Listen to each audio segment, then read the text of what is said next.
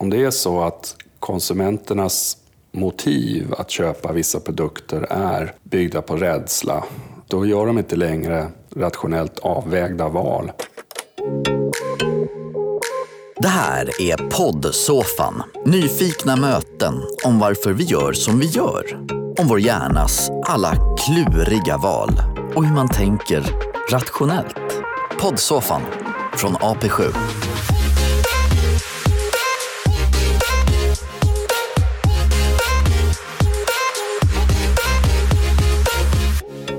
Dagens gäst forskar om ekonomi och beteenden.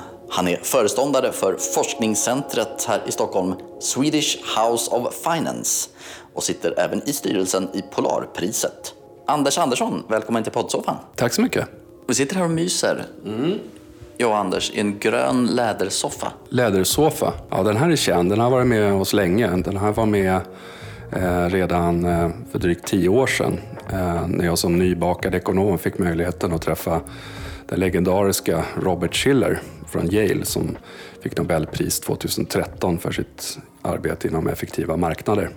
Så jag bombarderade honom då med allt vad jag höll på med och försökte förklara och han såg ganska så trött ut och till slut så satt han med stängda ögon och jag visste inte riktigt om det var på grund av att det var tråkigt eller om han satt och var väldigt koncentrerad på vad jag försökte förklara. Men så jag tänkte jag byter strategi så jag började prata lite grann om naturen här runt i Stockholm och skärgården och sen kom vi in på det här att jag har ett sommarhus där och då sken han upp för då har han köpt ett eh, ett eh, sommarhus också, eh, fast kanske ett, en annan typ av sommarhus på USAs östkust. Så då eh, hade vi en lång diskussion om det och det tyckte han var väldigt spännande. Så dedikerade han boken till mig. Då står det så här. Då, Anders, fellow islander, in appreciation of your important work in behavioral finance. Bob Schiller, June 2008. Hoppas han var vaken när han skrev det. Men det var innan han fick Nobelpriset? Ja, det här var 2008. Men du var ändå starstruck? Ja, absolut. Han har varit min stora idol genom hela livet, ja, sen jag började med beteendeekonomi. Därför han var en av de första som bröt upp marken för oss andra och eh, tänkte på marknaden på eh, nya sätt och införde det här beteendeperspektivet som eh, visade sig vara väldigt viktigt.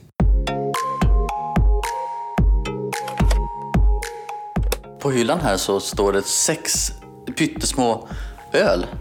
Mm. Det är mitt minne från förr. Jag var importör för Corona Extra från Mexiko i min ungdom. En ungdomssynd. Det var du som tog dem till Sverige? Ja, absolut. Så, så, vi började sälja det på Systembolaget 92 eller 93 tror jag det var. Ja. Så det gjorde jag i fem sex år. Ja. Mm. Hur var det? Ja, det var spännande också. Ehm, men ehm, jag kände väl att jag gärna ville förkovra mig lite mer. Det var kanske lite ytligt i längden att sälja öl. Vad gör Swedish House of Finance för någonting? Det är ett nationellt forskningscenter i Sverige eh, som ska se till så att vi eh, bedriver forskning av världsklass även i lilla Sverige. Och på det sättet skapa spillovers för eh, övriga samhället genom att vi har bättre ekonomer. Vi skapar en plats för dialog eh, mellan näringslivet, forskare och staten. Det är väl det stora hela det motivet. Det är jätteroligt. Så vi har hållit på med det här i åtta år nu. Och vi hoppas på att vi ska kunna fortsätta med det här i all evighet förstås. Beteendeekonomi. Mm. Hur definierar du detta? Ekonomi, men där man applicerar gamla idéer från framförallt psykologi på ekonomiska problem. Man kan till exempel ta eh, hur eh, folk eh, tar sina finansiella beslut. Om det är bara grundat på rent ekonomiska aspekter och eh, i den situationen man är i sin karriär eh, och mer faktiska omständigheter. Eller om eh, också psykologi spelar roll, så att om marknaden går upp eller ner till exempel. Eh, eller om man talar med sina vänner och bekanta eller vad man ser på TV och läser i nyheterna. Och sådana ganska eh, vardagliga saker som eh, ändå är en stor del eh, av den verklighet vi lever i. Så det är det som har förändrat perspektivet på hur vi tänker kring framförallt hur individer tar sina beslut inom ekonomi. Varför är det så intressant så att man vill jobba med det varje dag?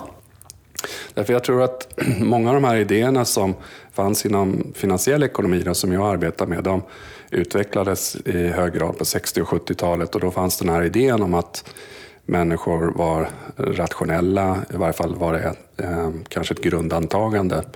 Eh, och, och, det finns ett stort värde i det också för att det någonstans visar hur man borde ta sina beslut många gånger. Men det visade sig snabbt att eh, när man började titta på hur marknader faktiskt fungerade så var det så mycket avvikelse från det så att det var svårt att förklara med alla de här mer rationella teorierna. Så därför tror jag att eh, beteende har fått en väldigt viktig roll eh, för att öka förståelsen för hur, hur samhället i stort är, är organiserat och hur marknaden fungerar. Jag började ju själv intressera mig för det här när jag läste Richard Thaler. Han fick ju för övrigt Nobelpriset förra året i ekonomi. Eh, han är en av då, eh, de stora ehm, förebilderna inom det här området, behavioral finance då, som det heter på engelska, det som jag eh, sysslar med. Och den boken kom, jag tror i början på 90-talet. Och när jag, jag läste själv ekonomi då och blev tagen av det han skrev för att jag tyckte det stämde så mycket på vad jag såg omkring mig. Vi hade en brinnande fastighetskris då just i, i Sverige eh, och det fanns många aspekter kring, kring det som jag inte kunde relatera till det jag lärde mig eh, på universitetet när det gällde eh, hur folk agerade på finansmarknaden. Så därför gjorde det nog extra stort intryck, skulle jag tro. Vad handlar den om? Ja, den är egentligen lite av en godispåse. Så den har olika kapitel som eh, visar av, på olika sätt hur, folk agerar i olika situationer. Olika koncept då, som man använder inom beteendeekonomi. Eh, och sen dess, jag menar, han var kanske inte riktigt först, men han var nog en av de som verkligen populariserade beteendeekonomi. The Winner's Curse, Richard Thaler.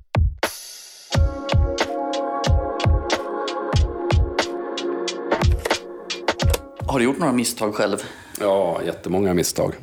Naturligtvis. Det är delvis därför man blir intresserad av det här, för man känner igen sig själv. Det handlar ju oftast inte om att eh, man är dum bara för att man faller i de här eh, beteendefällorna. Det är ju ganska så vanligt att man är väldigt intresserad och tittar på vad värden och loggar in på olika sidor för att kolla hur ens egna fonder har gått när det går bra. Och sen så när det går dåligt så undviker man gärna den där typen av information och eh, kanske bara intresserar sig för sport och andra sidor istället. Eh, det är ju ett sätt. Sen är det om man då faktiskt har köpt en, en aktie eller en fond, om den har gått ner i värde, då eh, har man svårt att sälja den då, för man vill inte erkänna sitt eget misstag att man har gjort en förlust. Det är väl två sådana här starka effekter som jag kan relatera till mig själv.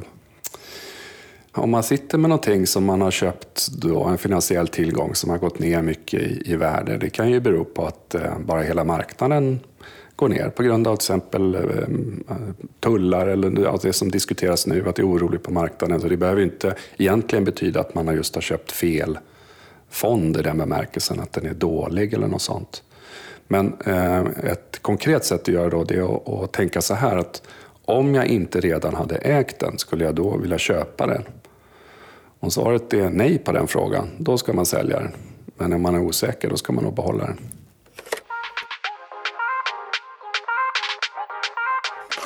Du gillar musik? Ja, absolut. Jag har ganska bred musiksmak, så jag lyssnar både på klassisk musik, eh, Jojo Ma är en favorit, och sen så lyssnar jag ganska mycket på hårdrock då, som det var kanske då där jag började. Och där är väl kanske Led Zeppelin, alltså gammal hårdrock. Hey!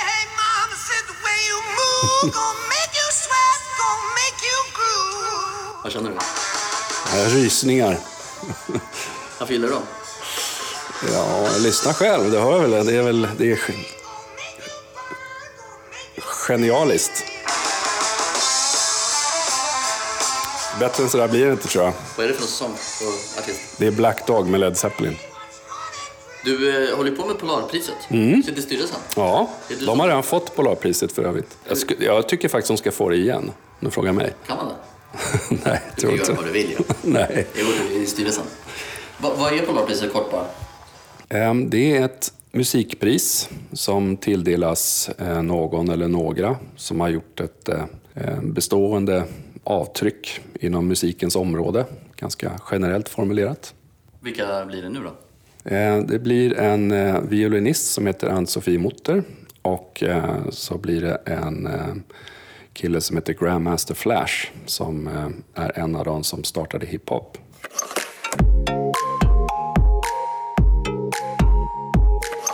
Utifrån liksom ett beteendeperspektiv, då, vad ser du för svårigheter som en, som en svensk pensionssparare står inför?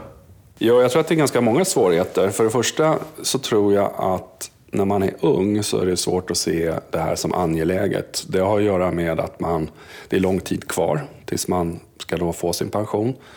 Och så är beloppen ganska små, så det är svårt att se att det är viktigt. För bland de viktigaste egenskaperna som här pensionssparande har, det är att det blir, byggs upp en ränta på ränta-effekt. Så även om man avsätter ganska små belopp när man är ung, så växer de till att bli väldigt stora eh, när man blir gammal. Så det gör inte att vi, alltså själva beslutet är kanske ännu viktigare när man är ung, eh, för man kan inte göra så mycket åt saker när man är gammal. Men det är svårt att få just den här gruppen att inse hur viktigt det är. De är helt enkelt inte kanske speciellt intresserade. Olycklig kombination ändå. En ja. gynnsam ålder. Ja, ja, ja, precis. Och, och, det har också att göra med tror jag, att den andra eh, svårigheten som jag tror är att kunskapen generellt sett är låg. Det är inte speciellt intressant eh, för de flesta. Vi gjorde faktiskt en undersökning där vi frågade 2 500 slumpmässigt utvalda svenskar om eh, det här med ränta på ränta-effekten. Det är bara en fjärdedel som förstår att det eh, bara behövs en ränta som är lägre än 10 procent för att fördubbla sparkapitalet på 10 år. Det här är en ganska avgörande insikt eh, för dem som ska kunna inse att hur viktigt det är med långsiktigt sparande. det här hänger då alltid ihop med, med inte bara att man är aktiv och väljer utan också kanske att se att avgiften kan vara viktig mellan olika fonder. För om man inte ser hur viktig den här ränta på ränta-effekten är, då är det lätt också att kanske förbise kostnader och sådana saker som, som också har en stor betydelse för, för sparandet på lång sikt.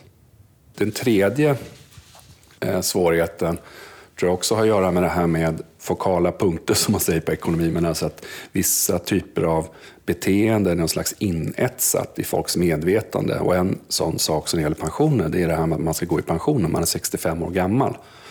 Nu försöker man ju förändra det här eftersom vi lever längre. Men det är också så att man har ju en, faktiskt en, en utökad valfrihet att välja när man vill gå i pension. Och där tycker jag många gånger får en ganska negativ spin eh, när folk säger att man blir tvungen att arbeta längre och så vidare. Och så, så kan det naturligtvis vara för många människor, det ska man ha respekt för. Men jag tror också att det finns väldigt många människor som faktiskt har ett visst utrymme att manövrera kring det här. Och då erbjuder det här faktiskt en möjlighet också att välja jobba lite längre och på det sättet få eh, mer pengar över till pension. Man måste hitta nya sätt att kommunicera det här mer effektivt. Att se det här som möjligheter snarare än någon typ av tvång. Hur skulle du säga att forskning liksom då har gjort att vi kan förstå hur vi beter oss ekonomiskt på ett bättre sätt? Liksom? Det som mer konkret eh, berör de flesta människor och eh, framförallt kanske inom pensioner, det här med valarkitektur. Genom den här forskningen så har man förstått bättre hur man ska helt enkelt utforma system, blanketter, formulär och så vidare. Och också bara hur man förmedlar information så att folk tar den till sig på ett annat sätt. Och det tror jag är, eh, har varit väldigt viktigt. Och där är ju då Richard Thaler en av dem som verkligen har gjort ett stort bidrag. Det här är ju någonting som finns omkring oss överallt och jag tror att vi har mycket att lära oss inom ekonomi av hur andra löser de här problemen. Jag tänkte på, jag tankade min Vespa i morse här. Så stoppar man in kortet i den här tankautomaten och då måste man ju ta ut kortet innan man eh, börjar tanka. Och då tänker man sig, vad hade hänt om man hade utformat den här automaten så att man skulle ta ut kortet efter man hade tankat? Då tror jag faktiskt väldigt många människor hade glömt kortet vid tankautomaten. Så det här är någonting som finns runt omkring oss som någon har tänkt på och som hjälper oss hela tiden. Och det är precis på det sättet jag tror att beteendeekonomi också kan hjälpa oss i mer avancerade eller komplicerade problem. Att helt enkelt förenkla det och försöka knuffa människor in i att eh, ta bra beslut utan att behöva lägga ner så mycket tankeenergi kring processen. Om du bara får säga en sak som man ska ha med sig vad gäller pensionssparande då, om man ska tänka beteendeekonomi. Vad är det viktigaste? Eh, jag tror att det absolut viktigaste är att man känner sig själv. Så att man bör veta, är jag en person som faktiskt kan det här eller är jag en person som inte kan det här? Så den farligaste kombinationen det är att tro eh, att man kan när man faktiskt inte kan. Det är då man begår misstag hela tiden. Jag tror den här kalibreringen då, att, på, på sin egen kunskap eh, är väldigt värdefull. Hållbarhet. Vad har du lärt dig kring när du har forskat om viljan att investera hållbart? Då? Vi eh, gjorde en enkät igen då, och där vi frågar folk vad de eh, kan egentligen om olika processer som är relaterade till hållbarhet. Jag menar, en hypotes är ju att folk kanske inte riktigt förstår vetenskapen bakom eh, klimatförändringar till exempel. Och det är kanske det som gör människor mer avvaktande till att eh, göra sådana här investeringar. Till det testet la vi också en fråga om hur, hur man tror att man klarade testet. Så på det sättet fick vi också en inblick i hur, hur bra man tror man är, som vi kan jämföra med eh, hur bra man faktiskt är. Och där visar vi faktiskt att en övertro på eh, sin egen naturkunskap är det som driver många människor in eh, i att eh, vara villig att betala högre avgifter till exempel för gröna produkter. Så vad det här visar lite grann är ju att det finns ju vissa risker med att psykologi även kan spela in i det här. Det är inte bara så nu att jag ska tänka på vad som är bäst för mig själv utan många gånger så är det också att jag ska tänka på vad som är bäst för världen. Och det gör ju egentligen problemet ännu mer komplext för konsumenter. Då menar vi på att det finns uppenbara risker för eh, att folk kanske inte gör ja, avvägda beslut utan det blir mer mycket baserat på känslor också. Så det finns, kan finnas risk att vissa nyttjar detta Eh, detta intresse för håll, hållbara placeringar till exempel? Ja, men det är inte så stor skillnad mellan finansmarknaden och alla andra marknader. menar, finns det en stor efterfrågan för någonting så kommer det komma in aktörer som har produkter. Om det är så att konsumenternas motiv att köpa vissa produkter är byggda på rädsla, då sätter man konsumenterna, menar jag, i en svårare situation. För att då gör de inte längre rationellt avvägda val. Och då är ju förstås risken att eh, konsumenten i slutändan kommer att ha dåliga produkter och eh, produkter som är alldeles för dyra än vad de skulle vara om man kunde ha en mer välgrundad uppfattning. Vad händer i sommar? Då ska jag genomföra alla de projekten på sommarstugan som jag har planerat under våren. Och om du tänker fråga mig om psykologin i det så kommer jag redan nu kunna säga att de projekten kommer jag skjuta på framtiden direkt när sommaren börjar. För så har det varit alla andra sommar. Eh, så även om jag är medveten om mina tillkortakommanden eh, så faller jag alltid i samma fälla. Sommaren kan du säga, du behöver inte säga något årtal. Nej, precis. Någon gång på sommaren.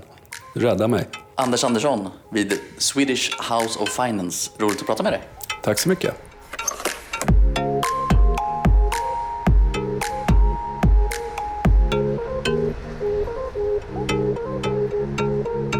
Poddsoffan från AP7.